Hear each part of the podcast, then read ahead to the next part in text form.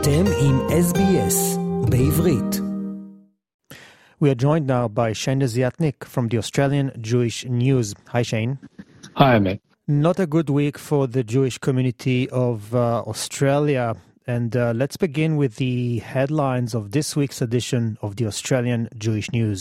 Sure. So, uh, New South Wales Premier Chris Minns has apologised to the Jewish community of New South Wales for the vile scenes that occurred at the Sydney Opera House on Monday night, taking full responsibility for not creating a safe space for the community to mourn. Despite the Opera House being lit up in blue and white in a show of solidarity for Israel, the Jewish community was urged not to attend. Instead, pro Palestinian protesters, backed by Greens MPs, gathered outside Town Hall before they illegally marched to the Opera House. In disturbing scenes that have since gone global, the protesters set off flares and burned an Israeli flag on the steps of Australia's iconic landmark while chanting. I can't mention what they chanted, but it was uh, totally vilification against Jews. Uh, and in fact, and what I can mention is one group um, was heard chanting, gas the Jews. The same group is planning to hold another pro Palestine demonstration in Sydney this Sunday, despite their application being denied by New South Wales police. Minns said protest organisers have already proven they're not peaceful. Shouting racial epithets at Jewish community members is not the definition of a peaceful protest. And I really want to make it clear to the Jewish community that I want to apologise to them specifically on behalf of the government and myself as the Premier of New South Wales. He said the intentions of the government were very straightforward to light up the Opera House to create a place and a space for that community to come together to commemorate the horrific scenes that we've seen in Israel over the last 48 hours, Minns said, and we didn't do that. I'm not blaming anyone for this, and as the Premier of New South Wales, I take full responsibility for it, and I will make decisions to ensure that it does not happen again. While no protesters were arrested, in fact, the only person accosted by police was a Jewish man holding an unfurled Israeli flag. Police Minister Yasmin Catley told the Jewish News that New South Wales police would be trawling through CCTV footage targeting illegal behaviour that was committed on the steps of the Opera House. And on Wednesday morning, New South Wales Police also announced Operation Shelter to respond to pro Palestinian activists and activities. He said, uh, Catley said, uh, there were vile, despicable comments made during this rally, and police will come down hard on that. For any of members of the Jewish community who haven't felt safe in Sydney in recent days, she said, I apologise. Many are going through so much hurt right now and are grieving for family and friends in Israel.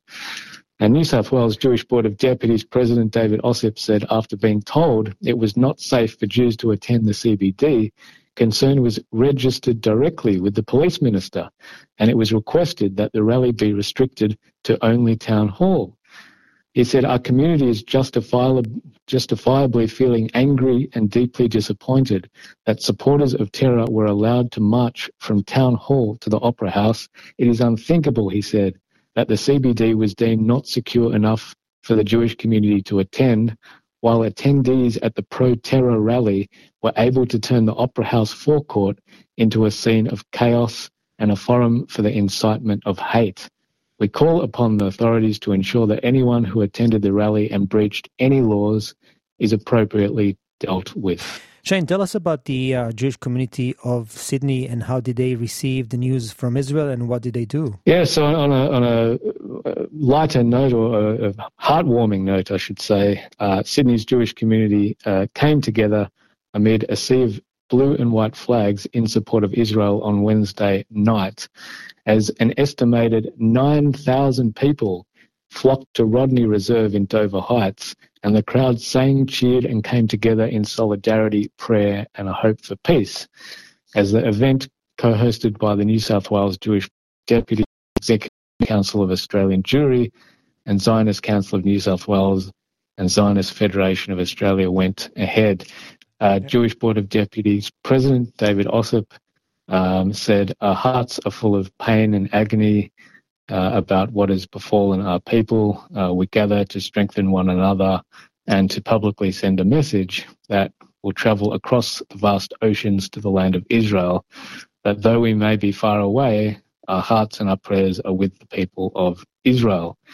Uh, he also said this is a battle between humanity and depravity, between humanity and barbarism, and it's a battle in which Israel will fight and she will win, and we will be right behind her. There was also some significant uh, political guests, uh, and they spoke as well at the this event, um, representing Prime Minister, the Federal Health Minister Mark Butler, said Hamas's acts of deliberate terror are an affront to everything Australians hold dear and stand for. And he said, May I express my deepest sympathies to those who have been impacted by these appalling acts of terror. Um, just as we stand for the state and the people of Israel, we stand with the Australian Jewish community. Federal opposition leader Peter Dutton told those gathered, As I look out to the audience tonight, I see young people and old people, young girls in tears, emotion, but an absolute determination, steadfast determination to make sure that we stay together, stare down barbarity, and that we rise up and we support those in our darkest hour. He also said Hamas has a moral equivalence with ISIL, not with Israel, not with the Jews, and not with the people of good faith. And we will always stand with the people of Israel as a country and as a people. Uh, also, uh, just briefly, New South Wales Premier Chris Minns also attended the rally. Scripture tells us that God made three promises to Abraham promise of a homeland, promise that his children would be of a nation, and the promise that through his descendants and this nation, his children will be blessed. And it takes great faith to believe in that promise of God when witnessing the cruelty and suffering the children of Abraham suffered in the land of Israel in the last week. And New South Wales opposition leader Mark Speakman lamented that at a time when we think that the world has never been more sophisticated, it is just unimaginable that we are still seeing depravity of the scale and depth that we have witnessed in the last few days. He said there is no choice that any public figure of any decency can make other than to support Israel in its time of need and we mourn those who have lost their lives and may their memory be a blessing. Shane, tell us about uh, the Prime Minister Anthony Albanese and his surprise visit to one of the synagogues in uh, Melbourne. Yes, yes, he he uh, went to Caulfield Shul on Wednesday afternoon, uh, reaffirming his government is committed to keeping the Jewish community safe, uh, and he wanted to say. Uh, you are not alone, and all Australians embrace you in this time of trauma. Yeah, it's actually very nice of him to go and visit uh, one of the synagogues, and uh, nobody knew about it, right? It was a complete surprise. Yeah, yeah. I mean, uh, he only even told the media just like an hour or two before that. Uh, so yeah, it was uh, not not many people knew about it, and it's very nice he was able to to uh, to do that. Mm-hmm. Okay, and the next thing is we have to talk about casualties, and unfortunately, there are some Australian casualties in Israel. Shane. Yeah, unfortunately, more and more is, is coming in every day but uh, officially the first official confirm, confirmed Australian um, that has been killed in, in the in, since uh, since uh, Saturday in Israel was a 66-year-old Australian-born grandmother Galit Carbone. Uh, now the Australian government was able to confirm uh, that she had been murdered by Hamas. Uh, I think it was on on Wednesday morning. she is one of 108 people killed by the terrorist group at Kibbutz Be'eri, located five kilometres from the Gaza border, and her body was discovered uh, the day before, just metres from her home. Uh, in a statement on Wednesday, Australia's Foreign Minister Penny Wong confirmed the tragic death of Galit, uh, an Australian citizen murdered in the attacks on Israel by terrorist group Hamas. She stressed there is no excuse for the deliberate killing of innocent civilians and on behalf of the government, I wish to convey my deepest condolences to the family and loved ones of Miss Carbone. Uh, and the Department of Foreign Affairs and Trade is providing consular assistance to her family, both in Israel and in Australia. Uh, there's also some tributes from Premier Chris Minns uh, and the Executive Council of Australia and Jewry and New South Wales Jewish Board of Deputies. Uh, for three days, family members of Miss Carbone were praying that she would survive the massacre at the kibbutz, where she had raised three children and previously worked as a librarian.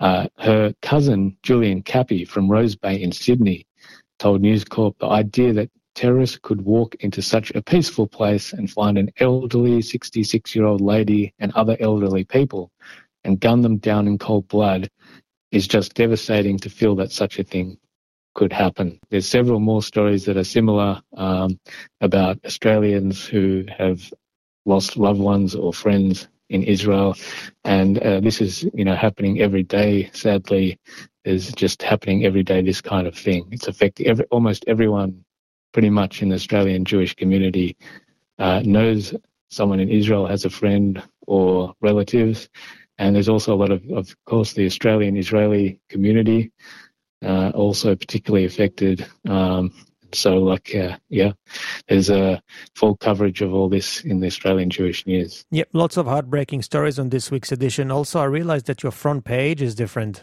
Yeah, we don't we don't often do front pages like this. I, I think we have in the past, just but very uh, rare occasions uh, in previous wars and uh, and and things like this. But uh, yeah, it's it's it's not often um, that we, we do something like this, and and the the image uh, and the black darkness around it, we just felt was was uh, the most appropriate um, uh, message uh, to convey uh, in a sort of simple way, rather than put any photos of of what has happened in Israel, um, just a, a symbol that everyone can unite behind.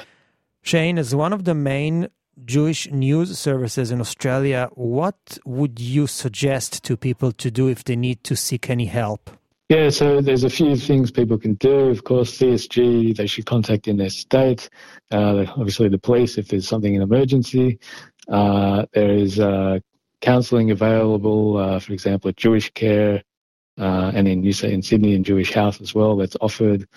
Um, there's also, of course, uh, some if people want to help by, by donating, uh, there's a few campaigns on at the moment with uh, UIA, uh, for example, JNF, uh, MDA, again, uh, Magen David Adom. And there's more as well, and we've got that information as well. Um, that's a, something that can, you know, make make everyone feel better knowing that they can contribute directly.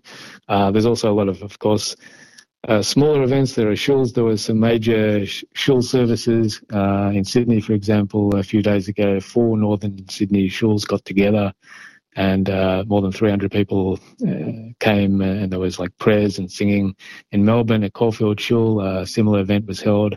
Those kind of things uh, can help. Uh, and there's a lot of many organisations doing, you know, challah bakes and challah drives and all sorts of activities. Again, raising money uh, for Israel, but also just a way of coming together.